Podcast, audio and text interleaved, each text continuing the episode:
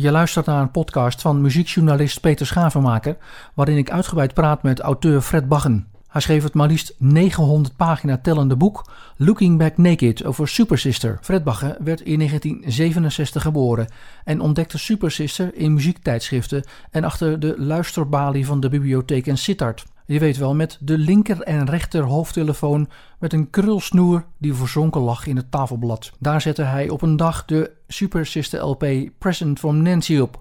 Je hoort Fred Bagger. Nou, het is natuurlijk wel zo. Super Sister stond in de jaren tachtig niet uh, heel erg vaak in tijdschriften. Ik, uh, ik kocht losse edities van uh, Oor, Muziekkrant Oor. En ja, daar zie je dan die naam willen staan. En ik maakte in die tijd lijstjes uh, van bands die ik wilde leren kennen. Ja, je moet je voorstellen, ik was in die tijd 15. Uh, mijn muzikale horizon die, uh, die eindigde zo'n beetje bij, bij de Rolling Stones en, en, en Q65 als nederbeatband. En ja, op een gegeven moment wil je dan wel iets meer leren kennen. Dus dan zie je namen, uh, ik, ik, noem maar iets, The Birds, daar had ik ook nog niet van gehoord. En Deep Purple, vooral progressieve rock, daar interesseerde ik me erg in, Yes. En uh, nou ja, ik had dus een lijstje en nou ja, als je geen geld hebt, ga je naar de biep, want daar leen je dan LP's. En met dat lijstje in de hand struinde ik door de platenbakken op een gegeven moment, uh, ja, Super Sister, ik kende alleen die naam. En die naam viel me wel op van, ja, Sister, Super. Ja, dat, dat had een bepaalde aantrekkingskracht. Verder waarom, ik kende de platen niet, geen idee waarom ik die band interessant vond klinken. Maar ik stuitte dus op een LP in die, in die bakken in de biep. Present from Nancy. En uh, nou ja, als je die plaat voor de eerste keer ziet, dan zie je een zwarte hoes met een foto in het midden met vier wijdbeen staande jongens. Met lang haar, brillen, ook niet echt uh, rock and roll zullen we maar zeggen. En uh, oké, nou ik dacht laat ik dat eens proberen, luisteren wat dat is, hoe dat klinkt. En nou ja, in die tijd had je nog luisterbalies in de bibliotheek, dus nou, daar ga je dan naartoe. Je geeft die plaat aan de man achter die balie en die zet die voor je op. En uh, nou ja, je neemt die koptelefoon op en dan klinken die eerste tonen van die LP door je hoofd. Uh, dat, dat metronoomachtige staccato ritme, waarvan ik in eerste instantie nog dacht dat het een, een, een op hol geslagen metronoom was. Het bleek achteraf dat dat op een basgitaar wordt gedaan, achter de brug op de snaren. Nou ja, en die eerste plaatkant luisterde ik uit en je hoort daar allerlei wonderlijke tonen als 15-jarige, die niet veel gewend is op dat gebied.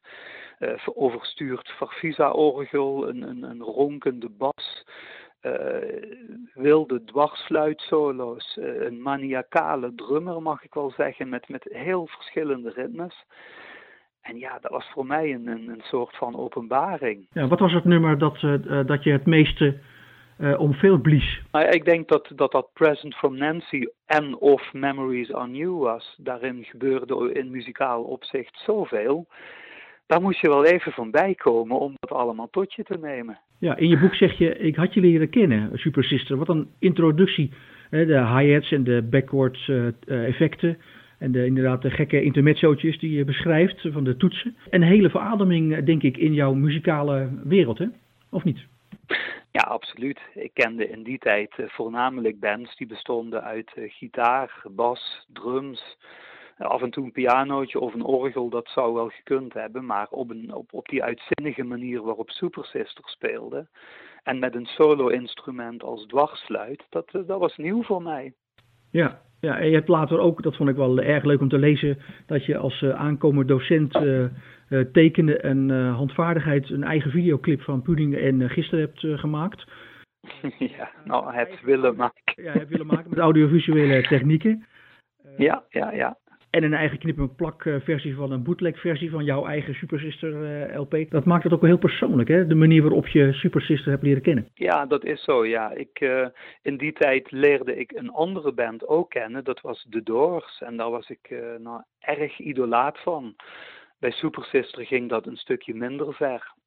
Maar inderdaad, dat uitte zich in, in kunstzinnige projectjes op, op mijn opleiding in de vorm van die fictieve LP. En, en een videoclip. Ik, ik studeerde in die tijd ik, ik, was in opleiding voor leraar tekenhandvaardigheid. Dus dat verklaart de kunstzinnige inslag op die opleiding. En uh, wat op zich wel grappig is, ik heb die, die driedubbel LP, die ik destijds dus puur fictief, want wat daarop zou moeten staan, dat bestond niet. Uh, die LP, die driedubbel LP, heb ik nu gebruikt om het boek in te delen. Dus in feite loods ik de lezer door, drie door, door zes plaatkanten heen. daar staat die driedubbel LP een beetje model voor. Nou is het wel interessant dat je pas eigenlijk heel laat, laat in jouw geschiedenis wat betreft Super Sister, contact kreeg met Robert Jan. Dat was in 97. Zo rondom mm de, de reunie in uh, Paradiso, rond 3 december 97 schrijf je letterlijk. Mhm. En ja. het idee voor het boek kreeg je in 2017. Had je eerder al gepoogd om contact te krijgen met een van de bandleden? Of dacht je van, die afstand is te groot of daar heb ik niet zoveel zin in? Of waarom heeft het eigenlijk tussen haakjes zo lang geduurd dat je Robert Jan hebt uh, uh, leren kennen en dat contact zo is ontstaan. Ja, nou ja, zoals je zegt, inderdaad, vlak voor de eeuwwisseling had ik uh, contact met Robert Jan op fanniveau. Hè. We hadden af en toe wisselden we wat mailtjes uit. Uh, ik was in die tijd uh, werkzaam als grafisch ontwerper en ik heb ook een keer aangeboden om een uh, website te restylen. Dat leek me wel een leuk projectje. dat is er niet van gekomen, helaas. Daarna heeft dat een, een tijd lang gesudderd, dat contact. Het heel, een aantal jaren heb ik ook geen direct contact met Robert Jan gehad. maar in 2004 mm, had ik toch wel de behoefte om, om ja, boeken te schrijven. Dat manifesteerde zich toen. Eh, een aantal romans eh, in, in, in opzet gemaakt. En pas nog veel later, in, in 2017, begon ik aan een biografie over de Doors. En toen dat uh, onverwachts ja, heel erg leuk uitpakte, dat smaakte mij goed, dacht ik, nou, misschien is het volgende boek zou wel over Super Sister kunnen gaan. Dat lijkt me eigenlijk wel een leuk vervolgproject. Je moet mensen in, in de openbare wereld altijd een beetje overtuigen. Maar dat, dat lukte wel. Ik heb uh, in, een heel vroeg stadium dat ik met dit boek begon, heb ik contact gelegd.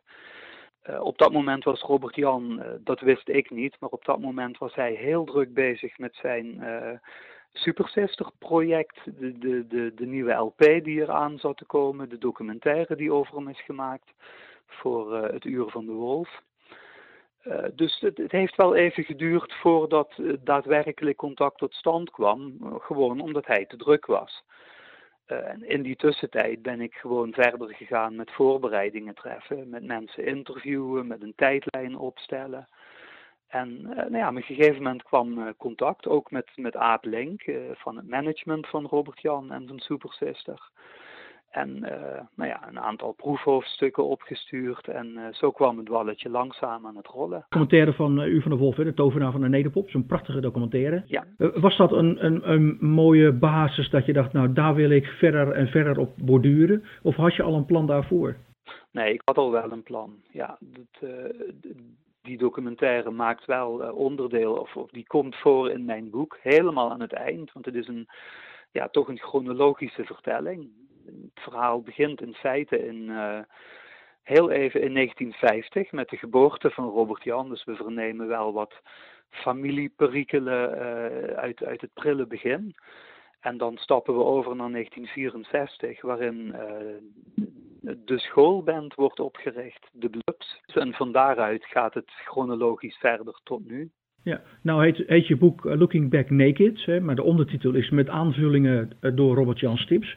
Eh, eh, hoe die aanvullingen zijn gegaan en wat de rol van Robert Jan daarin is. Nou, uh, Robert Jans rol daarin, die, is, die moet niet onderschat worden, dat wil ik er wel bij zeggen. Hij heeft zelf zitten meeschrijven in het manuscript. Vooral muziektechnische ehm, uitweidingen die, die ik nooit zou hebben kunnen weten, überhaupt. dat gaat ook af en toe op conservatoriumniveau hoor. Hij beschrijft dan maatsoorten en uh, hij heeft het over kwarten en tertsen en triolen. Dat zijn allemaal vaktermen die ik als uh, niet-uitvoerend muzikus niet beheers. Uh, en daarnaast, naast die muziektechnische uitweidingen, heeft hij ook veel ja, eigen herinneringen en anekdotes toegevoegd. Ja, vond je het belangrijk dat die uitleg over tetsen en kwarten enzovoort, dat dat zo nadrukkelijk in je boek, want dat maakt het wel zeer interessant. Niet alleen voor de fans van Super System, maar ook voor de mensen die ja, de muziek interessant vinden, zoals ik. Maar het geeft wel een heel interessant beeld. Hè? De manier waarop natuurlijk de, de klassieke opleiding uh, van Robert Jan een hele belangrijke rol speelt in het begin. En natuurlijk ook in Super Sister zelf. Is dat de reden dat je het daarom zo nadrukkelijk in je boek wil laten terugkomen? Ja, exact. Robert Jan is opgeleid aan het conservatorium in Den Haag. en die opleiding en wat hij daar geleerd heeft, dat, dat heeft een belangrijke rol gespeeld in de totstandkoming van de muziek van Super Sister. Uh, op een gegeven moment, uh, hij kreeg, hij achteraf vindt hij de opleiding nogal conservatief in die tijd. Hè. We, hebben het dan over eind jaren zestig. Uh, ja, de rockmuziek of de popmuziek, die was daar niet bepaald doorgedrongen. het dichtste wat daarbij kwam, dat was dat Chris Hinze daar rondliep in een leren jasje met lange haren. En dat, dat was wel zo'n beetje eh, de invloed van de popmuziek die daar uh, doordrong. Hij is heel lang bezig geweest, hè, met de, ook zelfs nog in de, in de Super Sister tijd. Hij heeft eigenlijk heel lang geen afscheid durven nemen tot, tot op een gegeven moment. Ja, klopt. Ja, op een gegeven moment was dat ook niet meer te combineren, denk ik, qua tijd. Uh, die verhalen die, uh, die, die ga je ook in het boek lezen. Dat, dat de band trad op in het weekend en die kwamen om, uh, om midden in de nacht thuis. Dan moest het, de huurbus nog worden teruggebracht of de apparatuur uitgeladen.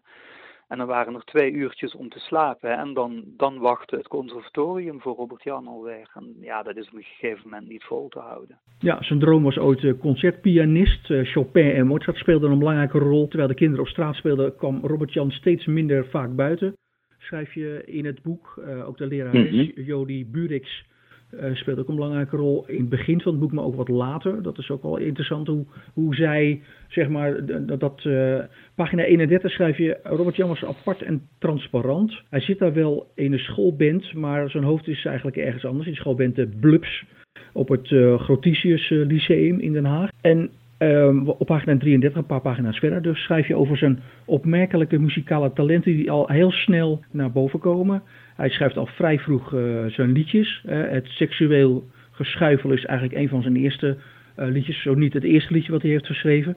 Terwijl ook mm -hmm. naast de klassieke muziek, die een belangrijke rol speelt in zijn, in zijn muzikale opvoeding, hoe hij eigenlijk geworden is wat hij tot nu toe is, spelen Love Me Do van de Beatles, maar ook de Yardbirds, zelfs de Pretty Things en de Kings een rol. Dat, dat lijkt iets dubbels, maar wel interessant. Uh, ik weet niet in hoeverre het iets dubbels heeft. Klassieke muziek en de Kings en klassieke muziek en de Yardbirds in klassieke muziek, dat zijn uitersten. Dat is waar, ja. Nou ja, dan, dan moet ik wel even voor uitleggen. Robert Jan uh, begon met piano spelen ongeveer op zijn vijfde, leven, op zijn vijfde levensjaar.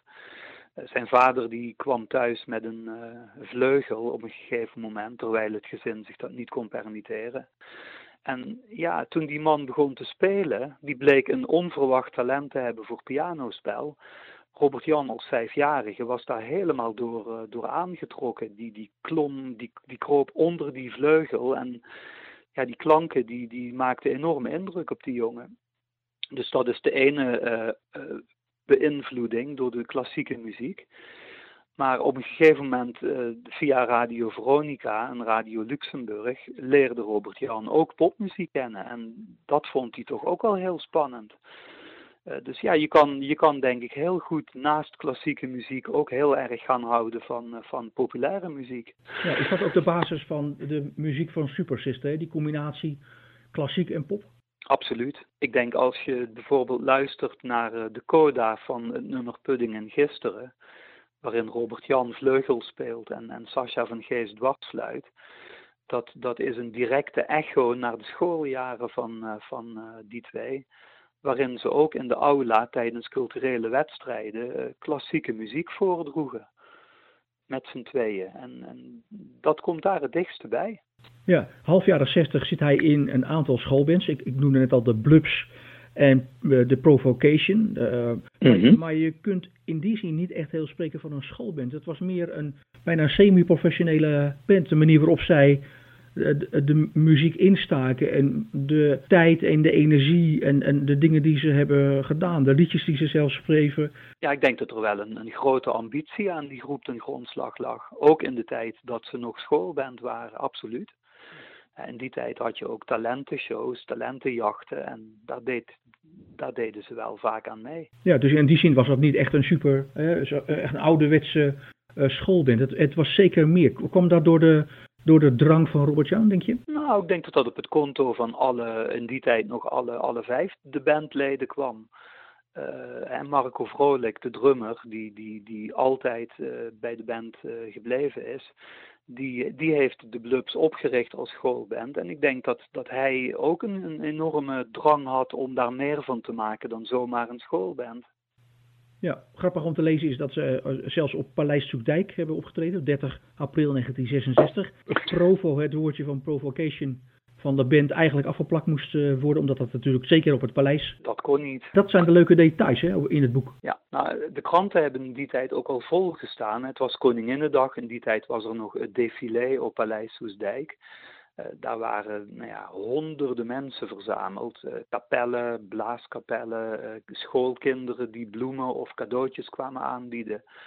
En um, Robert Jan, die speelde in die tijd al piano bij een, een, een jeugdballetgezelschap. En dat gezelschap mocht ook naar Soesdijk. En in het kielzog van dat gezelschap kwam de schoolband Provocation ook mee die uh, in feite al semi-professioneel was op dat moment.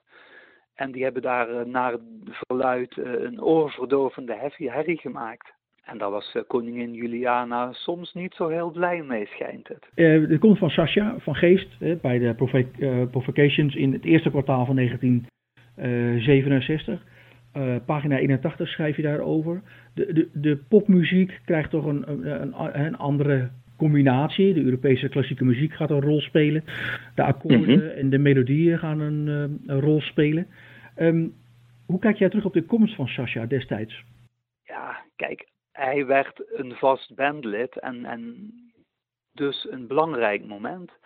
Uh, in, in, dan hebben we het over een begin 1967. Dan transformeert die, die provocation van ja, van, van al semi-professionele schoolband tot de, de, de, de, premature supersister. Dat, dat, dat voltrekt zich gedurende dat jaar.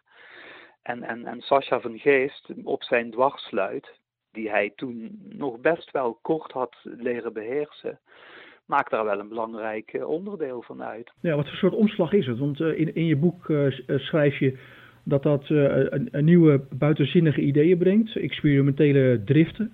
En Robert Jan zegt mm ook, pagina 120, iets later over die periode, dat, uh, dat Sascha ook een voorliefde had voor vreemde maatsoorten. Wat is die omslag? Hoe zou je die omslag weer omschrijven met de komst van Sascha? Ja, als je dat in het kort moet omschrijven, dan denk ik dat in dat jaar de Beat Band, die uh, Provocation was, uh, transformeerde in een, in een soort van psychedelische uh, popgroep.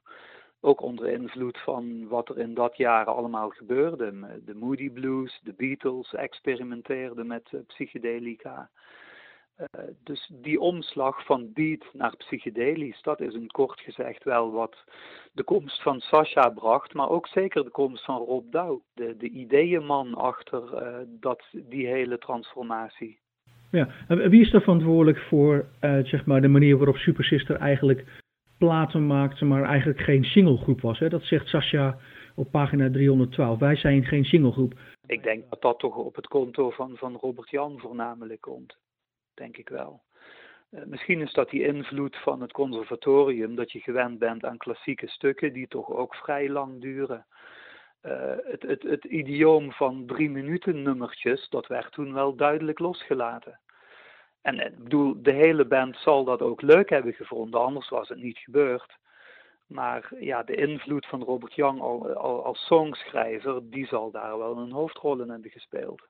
Ja, en wat vind jij van, uh, van zo'n dat ze geen singlesgroep zijn? Ben je het daarmee eens? Ja, ik weet niet of mijn positie is om het daar wel of niet mee eens te zijn. Ik hou er wel van.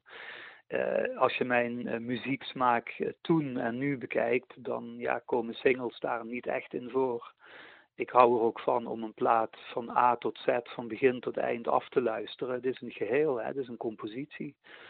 En ja, een single, ja, een single is leuk voor, denk ik, voor, voor publieksbekendheid en verkoop van je, van je, ja, het is een vehikel om je LP's te verkopen en de single zelf uiteraard. Veel meer dan dat is niet echt mogelijk, denk ik, op een single in drie minuten. Ja, is dat ook de, misschien de reden dat je zo uh, geïnteresseerd bent geraakt altijd in Super Sister? Ja, dat is een beetje een natuurlijke ontwikkeling, denk ik. Toen ik een jaar of dertien was, toen, toen hield ik van, van groepen als Yes en The Doors. En ja, nou ja, dan was The Doors dan misschien nog iets meer een, een groep die zich richtte op het maken van singles. Maar ja, bands als Yes of Procol Harum of, of Deep Purple, dat zijn toch meer LP-bands, denk ik. Ja. Het, het is gewoon mijn interesse, denk ik. Ik hou wel van uitgesponnen muziek, uitgesponnen stukken. Mm. Al vrij snel uh, krijgt Super Sister veel aandacht. Hè? Hitweek uh, noemt het zelfs een van de meest aanbevelingwaardige Nederlandse uh, groepen. Pagina 127 van je boek. Mm de, de aandacht ging vrij snel. Wat lag dat aan, denk je? Ja, waar kwam dat door? Um, Den Haag stond op zich al wel in de picture als beatstad. Um, dus de focus was daar wel al op gericht. Ook door, uh, door Hitweek trouwens, ondanks het feit dat dat een Amsterdams blad was. Um, ja, Super Sister maakte denk ik toch muziek die een beetje buiten de boot viel, buiten de public eye. Het, het, het was oncommerciële muziek. En ja, als je iets opvallends doet, dan uh, val je uiteindelijk ook wel op. Uh, en, en, niet alleen Hitweek schreef ook, maar uh, ook andere kranten, landelijke kranten, schreven over Super Sus. pagina 147 gaat het erover. Krant van 27 januari 1969. Super Sister wordt steeds meer genoemd en geroemd. Mm Is jij dat ook opgevallen tijdens jouw research? Dat... Ja, dat, dat is denk ik ook wel vrij, uh, ja, vrij logisch in, in de beginjaren van een band. Uh, laten we eerlijk zijn, de meeste lezers van de biografie en de meeste liefhebbers van Super Sister, die zullen een hele tijd hebben gedacht dat Super Sister in 1970 in één keer uh, opkwam met hun single She Was Naked. Uh, vergeten wordt dat dan zo'n band toch al zes jaar aan de weg timmert om ja, tot dat punt te komen. Net als de Beatles ook niet in 1963 in één keer uh, oppopte. Daar ging ook een periode aan vooraf. Dus, maar inderdaad, je merkt wel in die jaren waarin de groep uh, eenmaal tot de top 40 was doorgedrongen. Toen, ja, toen stond het ook al vol in de kranten en tijdschriften over Super Sister. Absoluut. Je luistert naar een podcast van muziekjournalist Peter Schavenmaker, waarin ik uitgebreid praat met auteur Fred Baggen. Hij schreef het maar liefst 900 pagina tellende boek Looking Back Naked over Super Sister. En was zeg maar de basis voor uh, zeg maar de groei uh, Den Haag of Amsterdam? Ik heb meer de indruk dat het Amsterdam is, zeg maar de Provo-beweging en de manier waarop zij ook uh, in het kosmische ontspanningscentrum, het, het communistische bolwerk in Amsterdam, ook heel veel shows hebben gedaan. Het, de huidige Felix Meritus. Is Amsterdam misschien niet wel de basis waar de kiem van Super Sister is uh, uh, uitgegroeid? Nee, dat zou ik zo niet willen zeggen. De, de basis en de kiem, dat, dat is echt Den Haag. Want vergeet niet, in Den Haag hadden ze een, een, een soort van eigen honk, de Laan. Het was een, een woonhuis waar een zaaltje in gevestigd was en daar traden bands op. En er gebeurden allerlei ludieke evenementen. Je had een belangrijke plaats, dat was de Drie Stoepen, waar ook veel beatavonden werden georganiseerd. En nog een aantal, het Zuiderpark is daar ook een onderdeel van. Ik denk wel dat Amsterdam genoemd kan worden als, als de plaats die de band heeft omarmd. Uh, een soort van, uh, de Paradiso heeft daar een belangrijke rol in gespeeld en Fantasio. Uh, Paradiso, daar was Super Sister op een gegeven moment toch wel zo'n beetje de huisband in Amsterdam. Ja, en de KRO als omroep is eigenlijk misschien wel de omroep geweest die het heeft omarmd. Hè? De rol van Theo Stokking. Die heeft wel een podium geboden om, om, om ja, een half uurtje radio te maken. Ja. ja, is het daar zeg maar qua omroep begonnen? Dat is wel de vroegste radioopname die we kennen. Ik zeg erbij die we kennen, want ik heb wel op, op lijsten gezien dat er al in 1967 door een Haagse uh, plaatselijke radiozender een, een uitzending is gemaakt. Uh, maar voor zover we weten is die niet bewaard gebleven. Maar landelijk is de KRO daarin wel uh, ja, belangrijk geweest. Ja, als Haagse underground formatie werden ze destijds genoemd. Hè? Een vergelijking met de Velvet Underground was toen ook. Ja. Vind je dat een terechte vergelijking? Nou, qua underground, nou, niet per se met de Velvet Underground. Ik denk dat wat, wat, wat die invloed betreft, zou Frank Zappa en The Mothers of Invention, denk ik, een, een, een betere vergelijking zijn. Uh, maar in die tijd had je wel het fenomeen underground muziek. Wat in feite erop neerkomt dat dat uh, tegendraadse, niet-commerciële muziek is in, in alle vormen waarin die zich presenteerde. Uh, en daar maakte Super Sister wel degelijk een, een deel van uit, van die beweging. Maar ik, ja, Frank Zappa en The Models of Invention, dat, dat is een heel belangrijke uh, leidraad in, in de stijl van de band in die, in die tijd. Ja, zitten er nog raakvlakken tussen Zappa en Super Sister op een andere manier, inspiratiewijs? Ik denk de manieren van componeren allereerst. Uh, Frank Zappa is toch allereerst een componist die, die muziek uitschreef. Dat gebeurde bij Super Sister ook. En bij Robert Jan voornamelijk. Um, ja, het schoppen tegen heilige huisjes is denk ik ook wel een, een, een, een, een raakvlak. Uh, Frank Zappa was een, een, nogal cynische man, sarcastische man, die uh, weinig mensen om zich heen spaarde in zijn teksten. En dat zie je soms ook al terug in de muziek van, uh, van Super Sister. Nou ja, je hebt dat nummer Woods of Frustrated Man. Dat, dat gaat over een een meisje die uh, het bos ingaat en het, bos van de gefrustreerde mannen. En ja, je kan je wel een beetje voorstellen wat dan uh, daar in dat bos allemaal zou kunnen gebeuren. Overigens een andere tekst, die is ook erg leuk. Uh, hey Baberiba. Dat is een tekst van, van Rob Douw en Robert Jan. En daarin gaan twee bejaarde dametjes ook een bos in en die worden daar om zeep geholpen. Dus ja, er zit wel een, een, een zwartgallige humor in die muziek. Dat, dat is denk ik wel een raak vlak met Seppa. Ja, en is dat ook uh, humor die jou aansprak, of aanspreekt?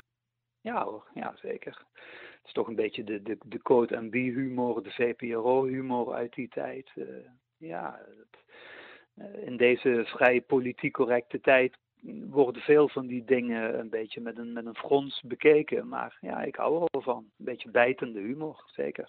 Ja, Robert-Jan heeft recent uh, bekendgemaakt op Facebook dat er bij het boek, althans bij 350 exemplaren van het boek, ook een speciale en, en zeer unieke cd komt. Met allemaal demo-materiaal en uniek materiaal wat nog nooit eerder uitgegeven is. Een van de nummers beschrijf je op pagina 180, Seven Ways to Die. Mm, dat komt op twee platen voor, op Man uit 2001 en Super Blues. Ehm, de platen, de muziek waarover wij net spraken in ons eh, gesprek, die stukjes van Blub en Provocation en andere uh, beginnummers, staan die ook op die cd? Nee, dat vroege materiaal, uh, dat bestaat gewoon niet. Dat hebben we niet.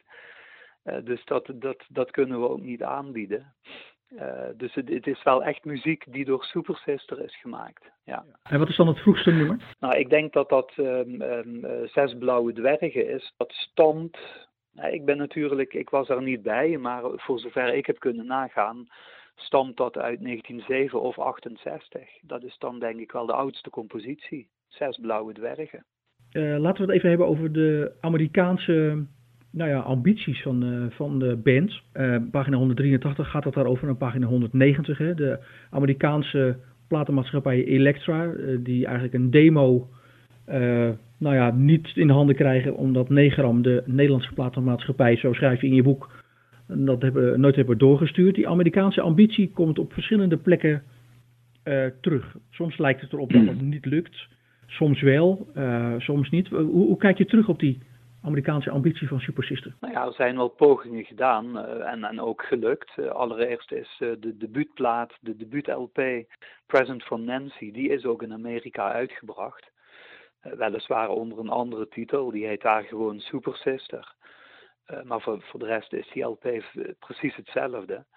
Dus dat, dat, ja, er is wel muziek uitgebracht in Amerika van Super Sister. Gek genoeg is hun single She Was Naked uh, je kent de Amerikanen, die zijn iets preutser dan hier in Europa. Uh, dat kon natuurlijk in die tijd niet, She Was Naked.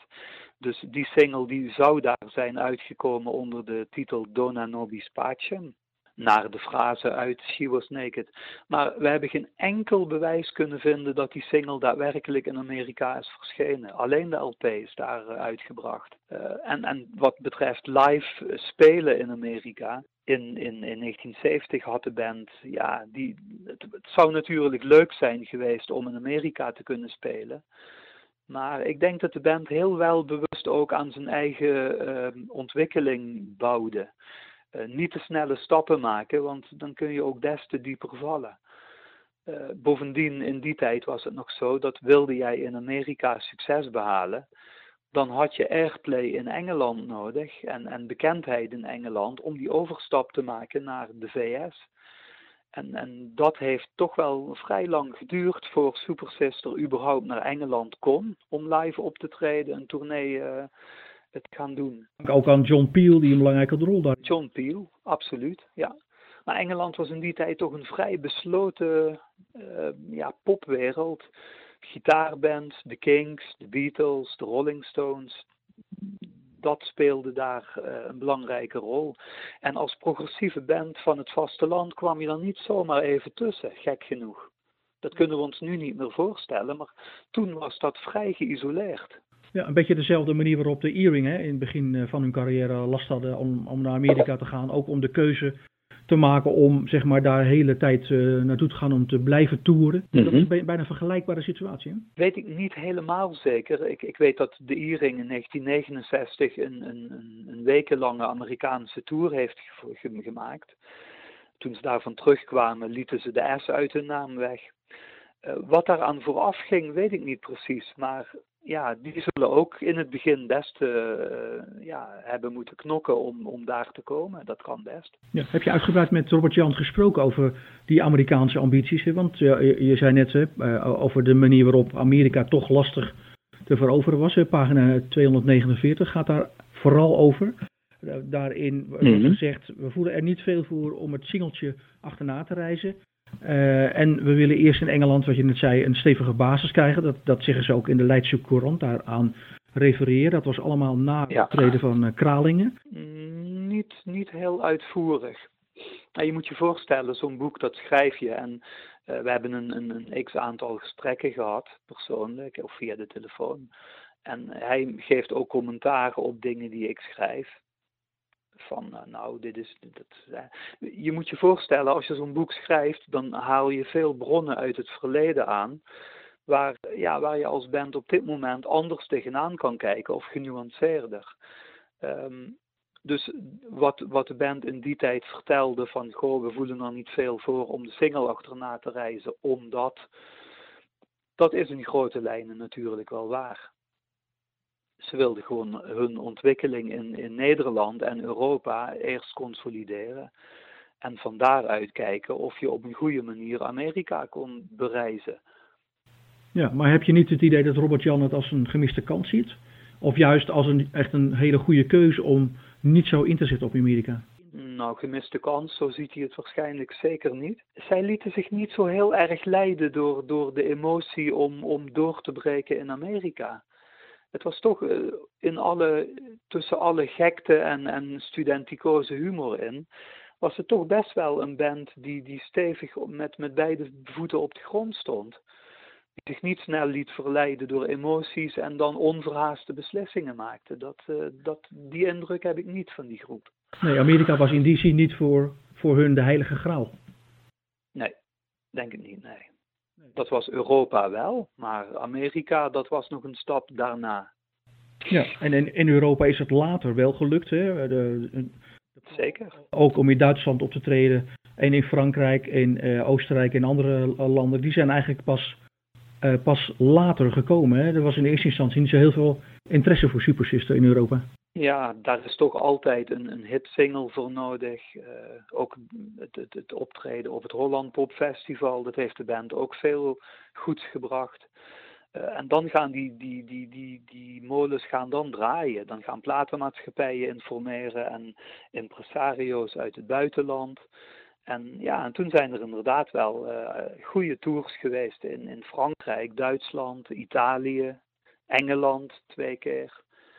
Uh, ja, dus dan, dan komt die internationale interesse best wel op gang. Dat heeft even tijd nodig. Ja, was Frankrijk het eerste land? Nee, dat geloof ik niet. Ja, je moet je voorstellen, ik heb zo'n 800 optredens uh, gecategoriseerd en, en bekeken wat ik daar nog meer aan informatie van kon krijgen. Weet ik niet zeker. Ik denk dat het Duitsland was, maar dat weet ik niet zeker. Ze traden wel al in een vroeg stadium in het buitenland op, al in de jaren 60, dat wel.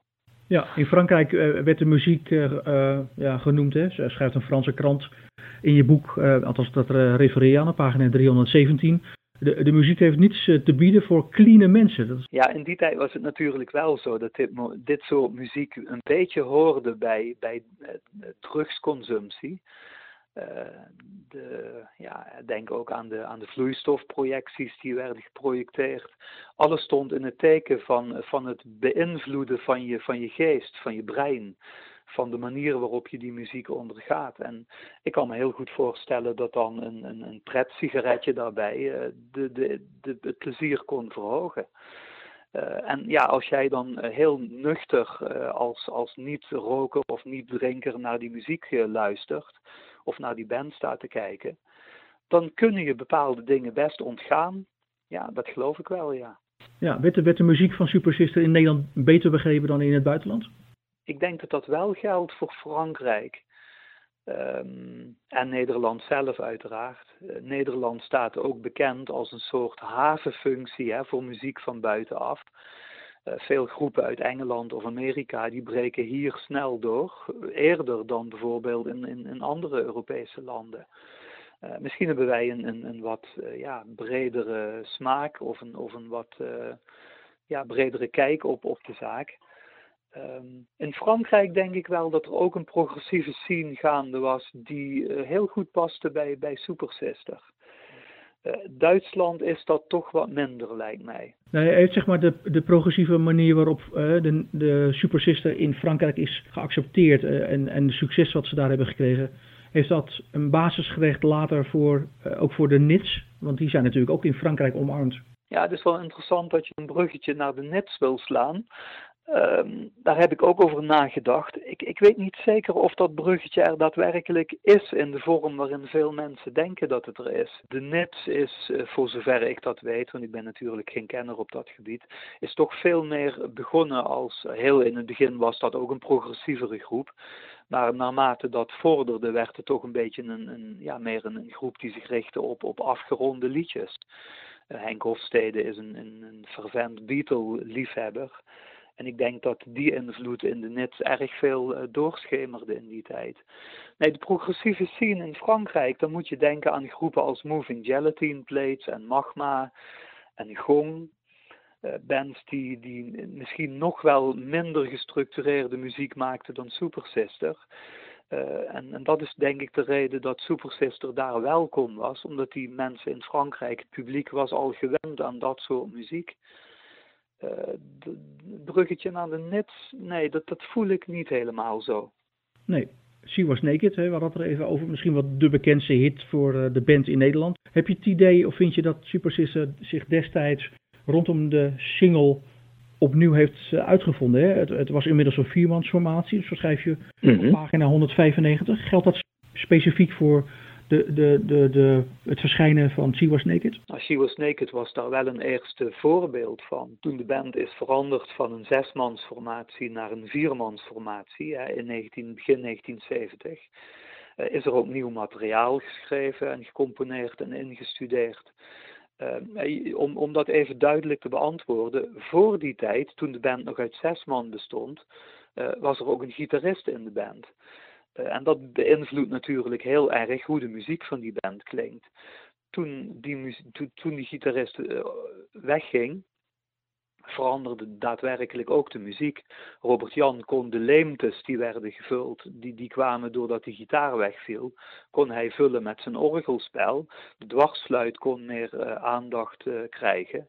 Dus ja, die muziek die, die wordt dan door, door het verminderde aantal bandleden automatisch al, al compacter, anders. Ja, ik denk, ja, de, de sfeer veranderde wel, uiteraard. Ja, ja.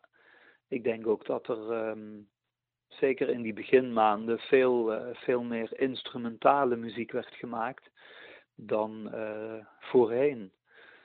en uit die instrumentale muziek en uit die series die de band toen maakte, daar is uiteindelijk uit twee van die delen van zo'n serie is, is de single She Was Naked ook voorgekomen. Klaar ook de manier waarop Robert Jan hè, zegt op pagina 206 dat de tekstflarden cryptisch moeten zijn. Dat vindt hij belangrijk. Het, het wordt meestal zo dat een nummer een bepaalde sfeer oproept. Die je in elk mhm. geval niet kapot wil maken met een tekst. Dus de, de muziek ging een, een wat meer leidende rol spelen. Lees ik daarin? Nou, dan moet je nog ietsje meer in lezen. Teksten zijn ook bewust cryptisch. Daar heb ik het met Robert Jan ook over gehad. Van ja, wat, wat bedoel je nou eigenlijk met zo'n nummer? Want ik zie dat er niet in terug. En dan, ja, dan begint hij te glimlachen en dan, dan geeft hij dus het antwoord van, uh, ja, je, je, moet niet te veel verklappen. Je moet ook uh, de, luisteraar zelf laten nadenken en zelf de mogelijkheid bieden om, om in zo'n nummer iets te herkennen en iets te interpreteren. Dus die teksten die waren inderdaad wel uh, ja, niet expliciet in elk geval. Je moet daar je eigen interpretatie in kunnen zien. Je luistert naar een podcast van muziekjournalist Peter Schavenmaker, waarin ik uitgebreid praat met auteur Fred Baggen. Hij schreef het maar liefst 900 pagina tellende boek Looking Back Naked over Super Sister. She Was Naked, geschreven op de achterbank onderweg naar een optreden in uh, Maastricht uh, staat in het boek uh, beschreven. Ook zo'n mm fantastisch detail om te lezen in het boek. En ze waren zo zegt Robert-Jan, ehm, nou ja, eigenlijk behoorlijk zenuwachtig voor de eerste plaatopname. En uh, ook toen de single in de tipparade uh, kwam. misschien wel omdat ze eigenlijk helemaal niet uh, nou ja, gewend zijn, gewend waren aan hits maken en muziek wilden maken. En misschien wel overvallen waren dat dat opeens zo'n hit werd. Ja, ja. Het is natuurlijk de eerste single, dus überhaupt is dat al iets, iets heel nieuws. Maar de band had ook helemaal niet de opzet om een, om een hitsingle te scoren. Eh, zij wilden in feite gewoon een plaatje maken eh, bij een studio en, en ja, dat uitdelen aan familie of vrienden in het circuit waarin ze zich bevonden en, en that's it. Maar toen werd het onverwacht uh, door, dankzij Radio Veronica, en, Hugo Gordijn heeft daar ook een belangrijke rol in gespeeld, om het bij Radio Veronica überhaupt op de radio te krijgen toen ging in één keer succes komen. Ja, en dan ga je dat niet afrennen. Nou, de band was daar wel door, door overvallen, ja. Dat hadden ze niet verwacht. Ja, maar, maar achteraf gezien, uh, spreek het met Robert-Jan en met andere mensen die je hebt gesproken, vonden ze het toch wel heel leuk dat Siwas Naked zo'n eikpunt is geworden in hun carrière? Of? Uiteraard, zeker. Dat opende zeer veel deuren. Het, het eerste voorbeeld daarvan is dat ze werden uitgenodigd op het Holland Pop Festival in uh, Kralingen. En daar voor 80.000 mensen hun muziek mochten spelen. Ja, de uitvoerige totstandkoming van de track en hoe dat allemaal gegaan is, beschrijf je uitvoerig in heel veel pagina's. Maar dat, dat mhm. maakt het juist echt interessant. Voor al die weetjes kan ik alleen maar de mensen bedanken die, uh, die mij te woord stonden en die mij dat allemaal uit de eerste hand hebben verteld. Uh, dus de, dat is ook een belangrijke kracht in het boek. Hè. De vele mensen die, die, nou ja, die mij het vertrouwen schonken en, en die mij thuis uitnodigde of, of op een openbare plek en die over die tijd wilde praten. Zonder die mensen was dit boek niet zo uh, gedetailleerd geworden. Nee, hoe, hoe lang research heb je gedaan? Ja, eigenlijk drie jaar. Ik, de manier waarop ik een boek schrijf, dat is niet afgebakend uh, een tijd lang research plegen en een tijd lang schrijven. Dat gaat gelijk op. Um, dus ja, ik heb er wel uh, drie jaar aan gewerkt in, in totaal. Ja, en had eh, Robert Jan zijn volledige archief geopend voor je? Ja, op een gegeven moment, we waren al een, een, tijd lang met elkaar aan het afspreken en, en, commentaar aan het geven op het boek. En ja, op een gegeven moment was het zover dat ik, ja, dat ik zijn archief mocht inzien. En ook Aad Link, de manager, want die, die is sinds 1970 bij de band als Rodi betrokken geweest. En heeft later het management op zich genomen. Ja, die hebben wel een belangrijke rol gespeeld in het, in het openen van de Super Sister archieven, absoluut. Ja, de, de, de kleinste details die in de muziek zitten van Super Sister zitten ook in jouw boek. Heeft dat een, eh, een, is dat een overeenkomst? Ja, ja, misschien wel. Ja, ik, ik hou erg van details. Ik ben uh, een priegelaar wat dat betreft. En het, het kan mij vaak niet uitgebreid genoeg zijn.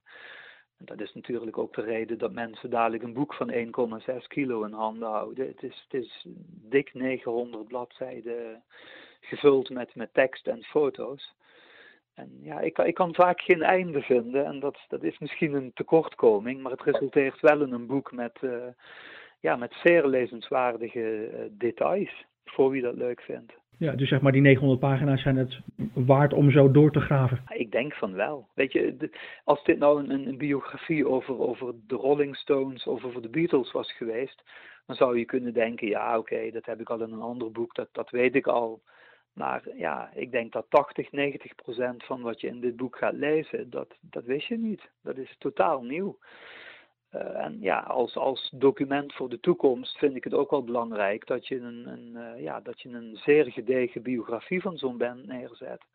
En uh, dankzij alle mensen heb ik dat gelukkig kunnen doen. Ja, wat, wat is een voorbeeld waarvan je zegt dat, dat ik dat heb gevonden, dat maakt het, zeg maar, mijn werk zo bijzonder en zeg maar zo geslaagd? Ik kan daar niet één voorbeeld van noemen. Dan zou ik ook mensen tekort doen. Uh, mensen hebben ook, uh, sommige mensen hebben ook over de, de privéomstandigheden van uh, na de dood van twee bandleden met me gepraat. Dat mocht ik ook afdrukken in het boek. Nou ja, dat, dat, is, ja, dat, is, dat kun je niet op waarde schatten. ja, een achtergrondfeitje van wat er gebeurde op, op het Holland Pop Festival dat, dat is ook belangrijk, dat is ook waardevol. Dat, dat kun je niet tot één voorbeeld benoemen. Dat is echt een, een, een veelomvattend uh, iets, het vertrouwen wat mensen me gegeven hebben. Ja, Sascha zegt op pagina 281, dat is wel interessant, over uh, de rol van uh, Present from Nancy. een afspiegeling wat we zo al op de bühne brengen, een extract van het live spelen. Is dat misschien wel het voorbeeld van wat Super Sister eh, eh, is of was destijds? Ja, ik weet niet zeker wat je bedoelt. Um, Super Sister was wel een band waarvan gezegd wordt dat er op het podium niet heel veel te zien viel, omdat de band, uh, nou ja, het was niet echt een, een, een show. Ik vermijd overigens ook te spreken over shows, maar ik zeg altijd optredens. Want shows waren het in feite niet. Het waren of happenings in de jaren zestig, en, en later in de jaren zeventig uh, ja, waren het optredens, uh, kunstzinnige uitingen. Dat, ik weet niet of dat is wat je bedoelt. Nou ja, goed, uh, Sascha zegt zelf van dat uh, President from Nancy een afspiegeling is van, van wat, wat ze op de bühne speelde. En wat ze brachten en, en de rol en zoals Super Sister eigenlijk was. Dus daar, daar, in die zin leg je dat ook duidelijk uit nu, hè? Nou ja, in 1970 was dat het repertoire waaruit ze konden putten. Dus uh, ik denk dat hij bedoelt dat ze uit die vroegere periode, toen ze nog met zes man optraden, dat ze uit die periode geen muziek meer live op het podium brengen, maar dat ze echt hebben geput uit, nou ja, wat, waar we het net al over hadden, die omslag naar een viermansformatie, uh, instrumentele muziek. Uh, met een, een, een soort van zang als vijfde instrument, hè, want dat zo beschouwde Robert Jan zijn zang. Uh, de, de, ja, die, die Present from Nancy plaat, die hebben ze, uh, ja, ik denk dat ze wel elk nummer van die plaat live hebben gespeeld. En in 1970 zeker. Ja. Wat is hun rol, zeg maar, of hun plek eigenlijk in de Nederlandse pop? Ja, dat is een goede vraag. Als Haagse band überhaupt uh, behorend tot de beatstad Den Haag. Dat is natuurlijk het, het, uitgangspunt nummer één.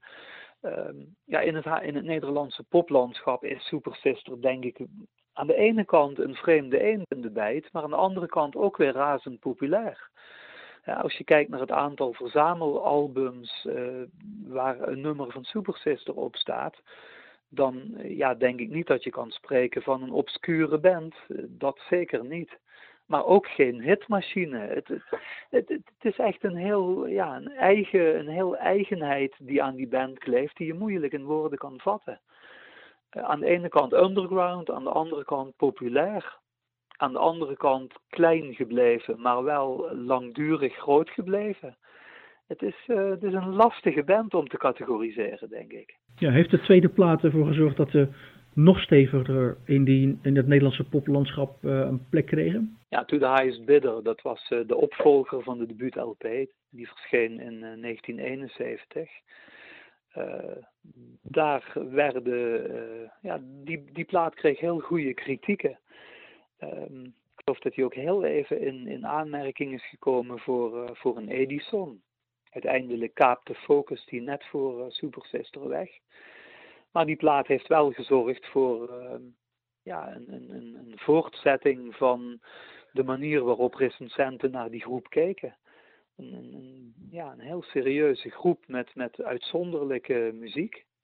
En eh, die tweede plaat was ja, in, in de besprekingen en in de, in de polls van Muziek Express scoorde die wel erg hoog. En ook de afzonderlijke leden van die groep. Ja, pagina 329 gaat daar onder, over, onder andere over stevige positie in het Nederlandse poplandschap, onder andere in het voorjaar van 1971. Super Sister zo'n belangrijke plek op uh, Pinkpop. Als je dat terugleest, dan, dan merk je dat dat een belangrijke plek, belangrijke moment was voor de band. Nou, het was een tweede optreden voor een, ja, een redelijk groot publiek. Ik geloof dat er een 20 eh, of 30.000 man publiek aanwezig was. Dus ja, zo'n band die treedt dan drie kwartier op en die, die, die kan laten zien wat, wat, wat ze waard zijn. En ja, zo'n, ja, ik denk, uh, kijk, Focus en Super Sister, die werden na afloop van Pinkpop uh, ja, bejubeld in, in de kranten. Het waren de beste groepen van het festival. En dat, dat spreekt zich rond en dat vertaalt zich natuurlijk later terug in, in platenverkoop en, en boekingen voor optredens. Dus de populariteit die stijgt daar enorm door. Heb je ook gemerkt in de gesprekken met Robert Jan dat Pinkpop voor hem destijds in 71 een belangrijk moment was? Ik denk minder belangrijk dan ik het zelf achteraf ervaar. Kijk, de band was in die tijd gewend om op festivals te staan. Het ene festival, daar had je duizend man publiek. Nou, bij Pinkpop had je dan inderdaad een, een heel groot publiek. Maar ja, de, band, ik wil niet zeggen dat het één in, in 12, 13 in een dozijn was, maar de band was in die tijd wel al behoorlijk gewend aan optreden op festivals. Je moet je voorstellen, de Super Sister trad in die tijd, in 1971, ja, toch drie keer per week op. Dus het, heel, het nieuwe van optreden op festivals, dat was wel al lang af. Uh, ik, ik, ik, weet dat ze verteld hebben dat uh, eh, de, de vloer, de podiumvloer van Pinkpop, ja, het festival stond nog in zijn kinderschoenen. Die vloer die deinde heel erg, dus als je daar uh, iets wat uh, sprongen maakte, dan, ja, dan veerde je omhoog. het was allemaal nog, nog vrij onbevangen, het festivalgebeuren van, van Pinkpop. En dat zijn anekdotes die hoor je dan achteraf. Maar nee, ik, ik weet niet of het een heel erg belangrijk moment is geweest. Pagina 223 zegt Wim Noordhoek, een uh, eh, VPRO-radiolegende. Uh, rondom een VPRO-special rondom uh, Super Sister. Maakt hij de vergelijking met Super Sister en Pink Floyd. Nou hadden we net het even over Sappa en Super Sister. Vind je het een terechte vergelijking? Soft Machine, Pink Floyd, Super Sister? Of? Ja en nee. Ik zal je ook uitleggen waarom. In 1971, als je het in die tijd plaatst, vind ik die vergelijking gedateerd. Als die vergelijking was gemaakt in 1969, dan had ik gezegd, ja, oké, in dat idioom begeeft Super Sister zich, in het idioom van Zappa en van Pink Floyd en Soft Machine. Maar ja, Super Sister heeft wel bewezen dat ze toch, uh, ja, toch wel op, op elementaire zaken afweken van soft machine, dat, van dat stempel komen ze vrij moeilijk af in die tijd. En eh, ja, bedoel, je moet niet blijven vergelijken met iets wat, wat inmiddels al duidelijk zich heeft bewezen een andere kant op te gaan. Dus ik denk dat Wim Noordhoek in, in 1971 wel een beetje blijft doorkouwen op, op ja, gedateerde vergelijkingen op dat moment. Ja. Ja, we hadden het al eerder even over John Peel, hè, het label van John Peel, Dandelion. Op de b mm van, van, daarvan werd uh, She Was Naked uh, misschien wel de doorbraak voor Super Sister in Engeland. Uh, maakt het eigenlijk zijn eerste tour, in Sheffield begint dat, 6 oktober. Mhm. En dan komen ook Italië, Frankrijk aan bod. Hoeveel mensen heb je gesproken in Engeland over de rol en de historie van Super Sister daar? Nou, ik heb me voornamelijk gebaseerd op ehm, mensen die op Facebook, Engelse mensen op Facebook, die commentaar leverden op op online posts.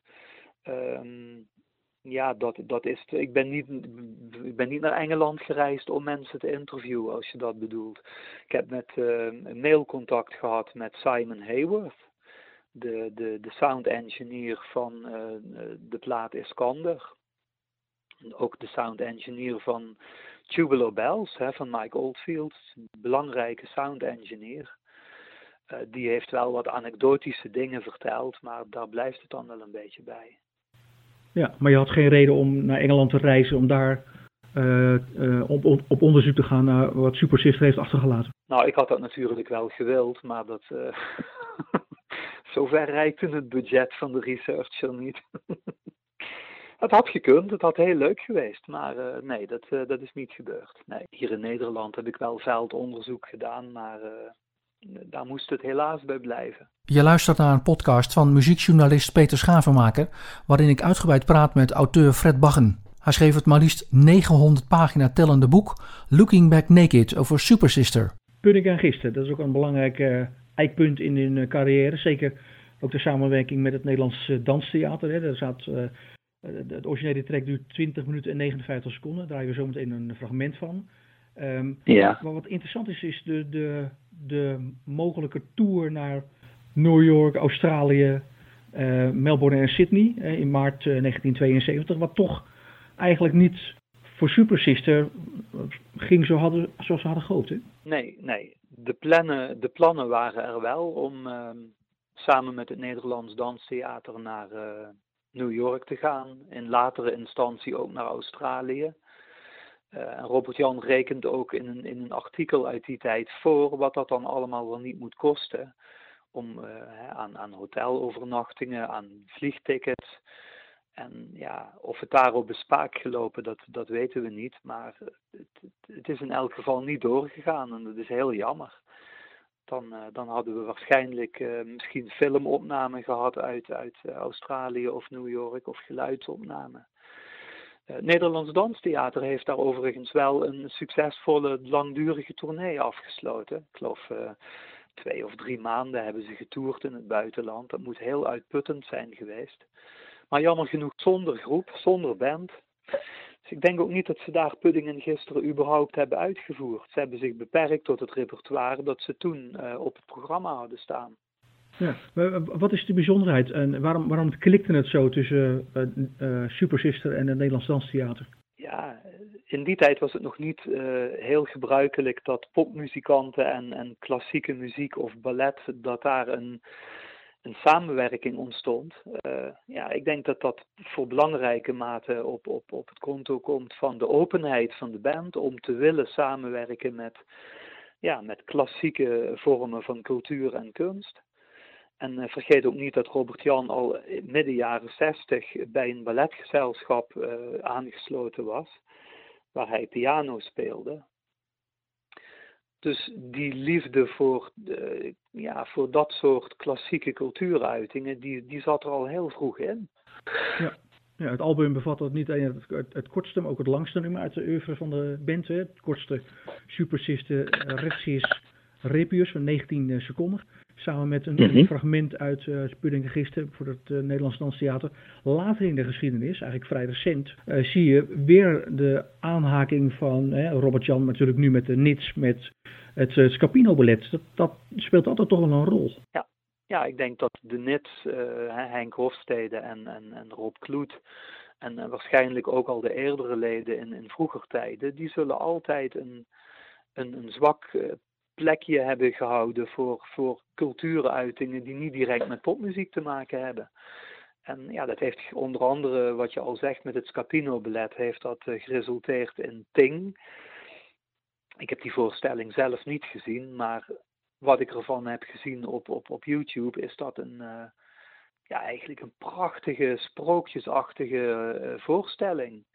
Muziek, dans, ja, het is eigenlijk de, de, de, ja, de, de hedendaagse theatervorm. Een vermenging van dans en klassiek met popmuziek. Het is heel succesvol, heel, eh, heel fijn omdat uh, dat, dat er is. In dit gesprek moeten we natuurlijk praten over, uh, we hebben al even over Sascha gesproken. Maar ook mm -hmm. over zeg maar, het uh, trieste moment van uh, zijn overlijden op 29 juli 2001. Heb je ja. En ben je nog in de gelegenheid geweest om uitgebreid met Sascha te spreken voor uh, je boek? Nee, helaas niet. Nee. Uh, in, in die tijd dat, dat hij overleed, toen was ik uiteraard nog steeds fan van de groep. Ik ben ook naar het optreden in Paradiso geweest in 2000, dat, dat op DVD is verschenen. Dat is gefilmd en op DVD verschenen. Maar nee, ik had in die tijd alleen contact met Robert Jan en dan ook nog spaarzaam.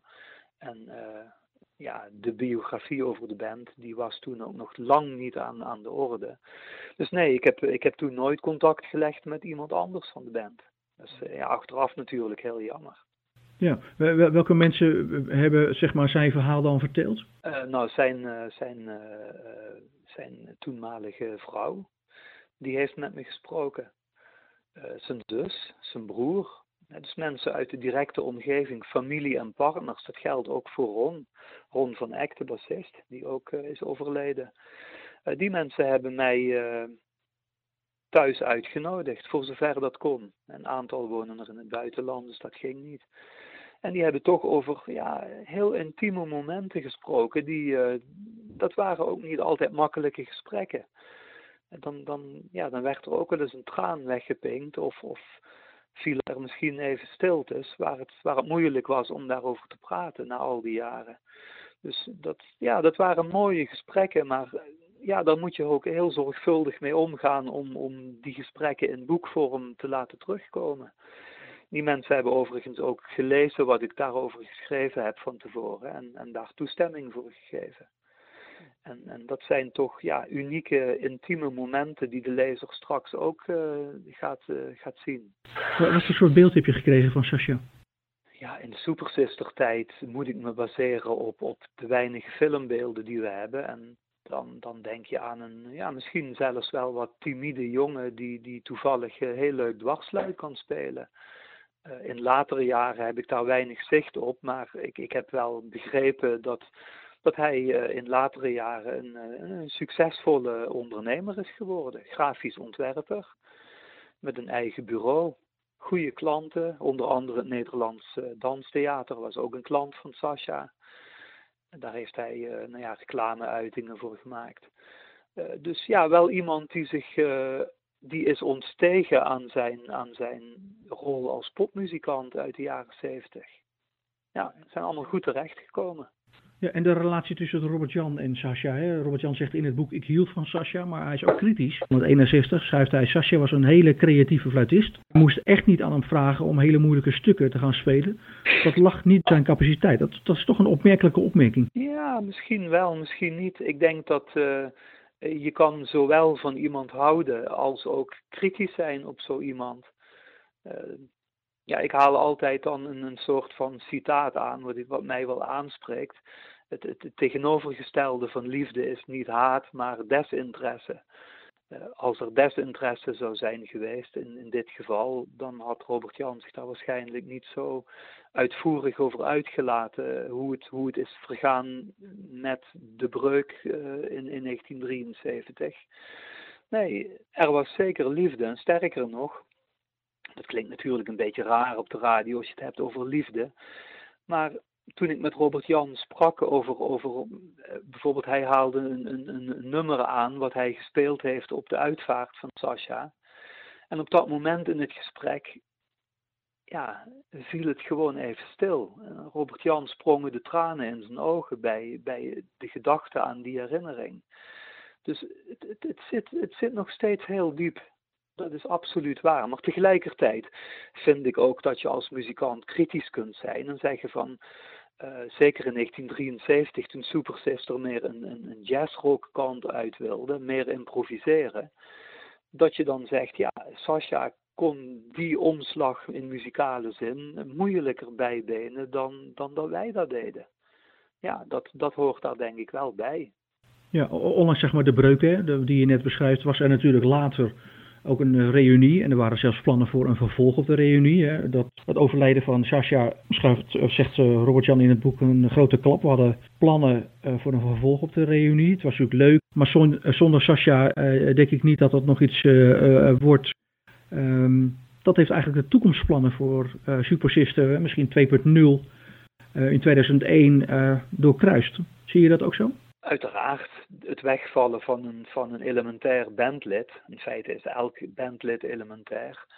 Dat, dat, ja, dat heeft uiteraard een, enorme streep gezet door, door de wil en de plannen om, om verder te gaan. Uh, er, lag nog uh, in het verschiet om, om misschien naar Japan te gaan. Uh, Mexico, dat is vanwege het gelijknamige nummer een, een, een, ja, een beetje een ludieke keuze voor een tournee. Maar dat, had in, dat, had in, dat was mogelijk geweest. Maar op het moment dat Sascha wegviel, ja, ik denk dat, dat dat al heel snel is besloten om, ja, om de band uh, maar op te doeken. Want een vervanger, dat, dat was niet aan de orde. Robert Jan uh, wilde Sascha in elk geval niet vervangen door een andere fluitist. 29 juli 2001 overleden op Malta aan een hartaanval. Mm -hmm. Ook Super Sister uh, sterft die dag. Zijn dat jouw woorden of zijn dat misschien indirect ook wel de woorden van Robert Jan? Nee, dat zijn, dat zijn mijn woorden. Zo interpreteer ik het wel. Ja. Zonder dat bandlid uh, ja, is Super Sister Super Sister niet meer. De band gaat op dat moment uh, inderdaad ook dood. Ja, maar zouden dat ook woorden van Robert Jan kunnen zijn? Ja, dat, in principe komt het er wel op neer, ja. Want hij, hij redeneerde altijd met het wegvallen van Sasha die gaan we niet vervangen, want die is onvervangbaar. Uh, ja, dan moeten we concluderen dat de band ook aan een einde is gekomen. Nou heeft Robert Jan wel uh, natuurlijk altijd Super Sister, hè, ook in zijn carrière uh, veel gespeeld. Er zijn verschillende versies ook op, YouTube, op Spotify, waarbij hij nieuwe versies van radio speelt en andere nummers van Super Sister. Hij is ja. bezig met, volgens mij, dat zag ik, dat hij in 2021 weer een nieuwe Super Sister Tour uh, gaat doen. Uh, de Super Sister is altijd een onderdeel uh, geweest en nog steeds van, van zijn werk. Waarom is dat zo? Waarom speelt dat zo nog steeds zo'n grote rol? Hij zegt daar zelf altijd over: the first cut is the deepest. Uh, Super Sister was toch Robert Jans eerste band. En ja, net als een eerste liefde is dat toch iets wat beklijft. En ja, als het tenminste op een, op een fijne manier zich heeft voltrokken, dan, dan blijft dat uh, je leven lang een, dierbare herinnering. En dat is precies wat er bij Robert Jan ook speelt. Uh, je hoort het ook aan, uh, je vindt ook, dat zul je ook in het boek straks kunnen lezen, ik noem dat echo's van Super Sister. Hè, momenten waarop je de band in latere jaren nog in één keer terugziet of hoort. in, in verschillende muziek van Robert Jan refereert hij ook nog aan, aan Super Sister. Eh, in een van zijn soloplaten zit eh, daar heb je een nummer. En daar komt ook weer even de frase She was naked voorbij. Dus dat blijft altijd een rode draad in de hele carrière van Robert Jan Stips, die band Super Sister. Heel belangrijk. Welk nummer is dat? Daar kunnen we mooi mee afsluiten. Uh, dat is uh, I'm a Camera van de solo LP uh, Yuppie uit 1980. Dus ja, voor mij zijn er ongetwijfeld nog misschien wel geheimen en, en ja, ook gewoon historische zaken die ik gewoon niet weet. En dat is ook niet erg. Je krijgt een, je krijgt een algehele indruk van die band. Ik als biograaf en de lezer straks bij het lezen van dit boek. En dat is al heel wat, bijna duizend pagina's. Fred, ik heb met, met zeer veel interesse je boek gelezen en, en nogmaals een compliment voor je, voor je mooie boek. Dankjewel, heel leuk om te horen. Heel fijn.